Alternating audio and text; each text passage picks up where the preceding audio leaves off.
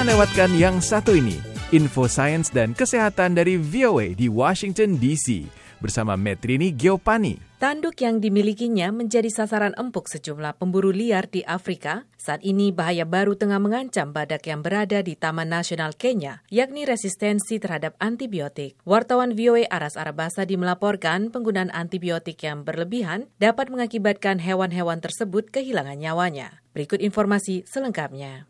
Percaya atau tidak, apa yang terjadi di Taman Nasional Kenya yang satu ini merupakan hal yang baik. Sejumlah penjaga taman menenangkan badak-badak yang terancam punah, membius dan mengebor tanduk hewan itu dan menjadikannya berteknologi tinggi dengan menaruh alat pelacak ke dalam lubang tersebut. Proses itu membantu melindungi badak dari ancaman terbesarnya, yaitu perburuan liar. Seorang mahasiswa doktoral dari Maseno University, Collins Kebeni, memaparkan. When animals are endangered, Ketika hewan terancam punah, maka hewan itu dipantau seperti halnya manusia. Binatang langka itu tidak bisa dibiarkan sakit, dan jika sakit perlu dirawat. Jadi, obat apa yang digunakan pada hewan-hewan langka itu? Jawabannya adalah antibiotik. Namun saat ini badak-badak itu menderita sebagai akibat penggunaan antibiotik yang berlebihan secara global. Antibiotik yang digunakan secara berlebihan itu berakibat pada meningkatnya resistensi terhadap obat-obatan yang terjadi pada manusia dan juga satwa liar. Untuk menyelidiki tingkat resistensi, para ilmuwan harus meneliti lebih dalam melalui kotoran untuk kemudian diperiksa lebih lanjut di laboratorium. Di laboratorium, para peneliti mengisolasi gen bakteri E. coli dan mempelajari resistensinya terhadap delapan jenis antibiotik yang paling umum dipergunakan. Where we did this study, people there, the level um, sanitation still low.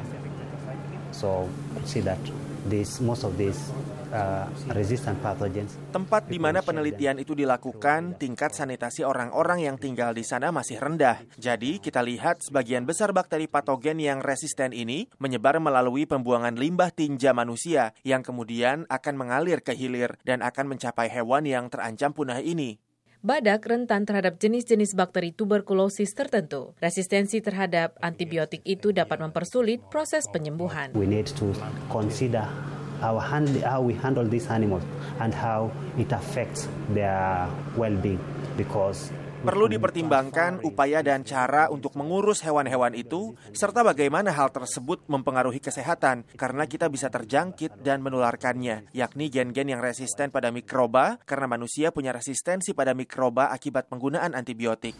Masih belum jelas bagaimana badak menjadi resisten pada mikroba. Akan tetapi badak-badak tersebut terancam punah dengan populasi sekitar 29 ribu yang masih bertahan hidup. Metrini Kiopani, Voice of America, Washington DC. Ini kita hari, cukup hari.